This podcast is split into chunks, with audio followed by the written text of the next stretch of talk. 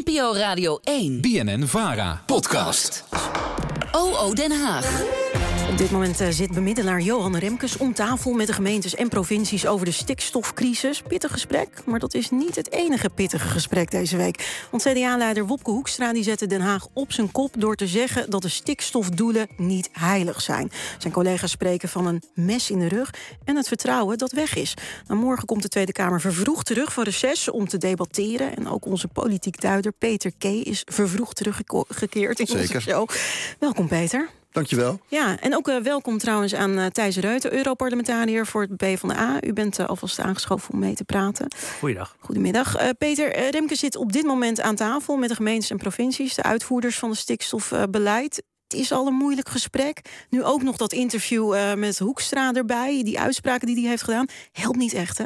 Nee, ik denk dat die provinciebestuurders en gemeentebestuurders dit zullen zien als een aanmoediging van, van Hoekstra ja. om ongeveer dezelfde eisen te stellen. Zij willen ook af van die 2035 als eindtermijn. Zij willen veel liever zelf bepalen en zelf onderhandelen met uh, de, de, landbouw en de veeteeltsector om tot maatregelen te komen op stikstofgebied en niet gedicteerd worden door het Rijk. Dus dat zullen ze daar verkondigen. En ze zullen zeggen, nou kijk, uh, Wopke zei het ook. Kabinet, mm. In het kabinet vinden ook steeds meer mensen dat.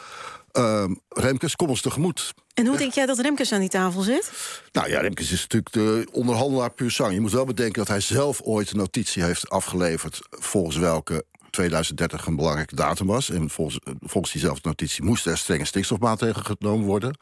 Maar hij probeert natuurlijk uit de impasse te komen en uh, te kijken hoe men met elkaar weer tot uh, in gesprek kan komen. Hij moet toch daar toch knarsetandend aan tafel zitten? Nou ja, als ze heel harde eisen stellen, dan zal hij dat. Eh, want hij kan ook niet zo heel veel beloven. Hij is gewoon bemiddelaar, de diplomaat die op pad is gestuurd. En eigenlijk de doelen overeind moet houden die gesteld zijn, die geformuleerd zijn. Mm -hmm. Dus het is helemaal niet de bedoeling dat hij daarmee gaat spelen. Want dan krijgt hij meteen D66 in zijn nek. En mevrouw Van der Wal, die voor het stikstofbeleid verantwoordelijk is, de minister. Dus ja, de speelruimte is beperkt eigenlijk. Ja. En in de tussentijd heeft het enorm veel reuring veroorzaakt. Die uitspraken van Hoekstra. Mark van den Oever van Farmers Defence Force... die maakt een filmpje naar aanleiding van de uitspraken van Hoekstra.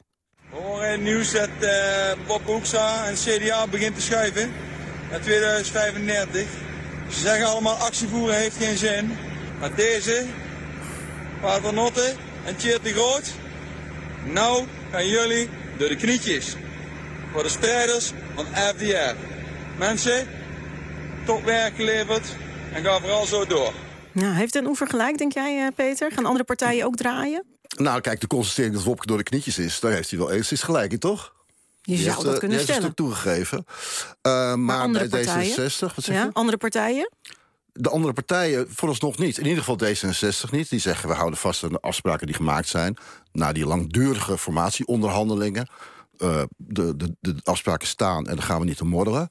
Uh, dat zegt de VVD ook vooralsnog. Boer Rutte en Christiane van der Wal hebben dat ook steeds heel duidelijk gezegd. Dus de VVD staat daar ook pal voor. Afspraak is afspraak. Maar ondertussen weet je ook dat er bij die partijen... dat het ook voor hen een hoofdpijndossier is. Dus dat ze best wel iets zouden willen middelen in die afspraken. Alleen, ja, het moment daarvoor, dat zal nog moeten komen. De oppositiepartijen, die, die meteen hebben gevraagd om een debat morgen... Mm -hmm. Nou, die hebben al ideeën klaar liggen natuurlijk hoe ze dat debat gaan aanvliegen. Want ja, wat is er leuker dan een, een CDA-leider die zegt... we kunnen de doelen wel loslaten. Ja, is dat zo, uh, Thijs Reuten? Ook smullend uh, op de bank? Nou, nee, bepaald niet. Ik heb mij eigenlijk de hele vakantie ook uh, vreselijk gestoord aan het gebrek aan leiderschap. Uh, met uitzondering moet ik zeggen van minister Van der Wal. Daar heb ik meer respect voor. Die heeft die lijn wel vastgehouden. Maar wat Hoekstra doet, is uh, volgens mij ongelooflijk dom. Want hij geeft valse hoop. En ik snap dat hij bezorgd is over de zetels die hij ziet wegwapperen. Vanwege de provinciale verkiezingen? Ja, dat snap, dat snap, ik. als politicus snap ik dat wel van hem. Maar dat is toch niet hoe je hoort gedragen als een bestuurder. Als bestuurder moet je verantwoordelijkheid nemen en staan uh, voor moeilijke beslissingen. Dit is iets wat al decennia lang uh, vooruitgeschoven is. Dus mijn partij, ook in de Tweede Kamer, zal helemaal niet uh, hier vrolijk over zijn morgen.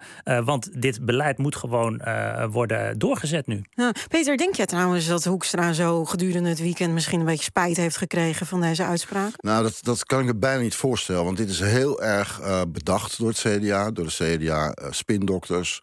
Ehm, en hij is het land in geweest. Hij zegt, ik ben daar geïnspireerd geraakt... Ja. door de boeren te bezoeken. Maar hij gaat het erg zwaar krijgen in de Kamer. Ja, en in de Kamer wordt het dus heel interessant morgen. Want eh, hij zit daar waarschijnlijk in het kabinetsvak. Rutte en Kaag, nou, die zitten alle drie toch iets verschillend in de wedstrijd. Iets anders in de wedstrijd dan Wopke in ieder geval. En Pieter Heerma moet dan het CDA-geluid in de Kamer verdedigen.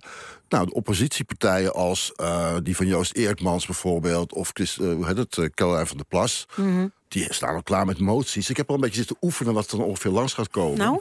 Maar die kunnen dan zeggen, ja, je kan het een beetje uittekenen... want dan pak je zo'n krantartikel erbij en dan zeg je... de Kamer gehoord de beraadslaging. Constateren dat volgens Wopke Hoekstra... je ook zo spoedig mogelijk de kritische depositiewaarde uit de wet moet halen. Verzoekt de regering te onderzoeken om de, of de kritische depositiewaarde uit de wet gehaald kan worden en gaat over tot de orde van de dag.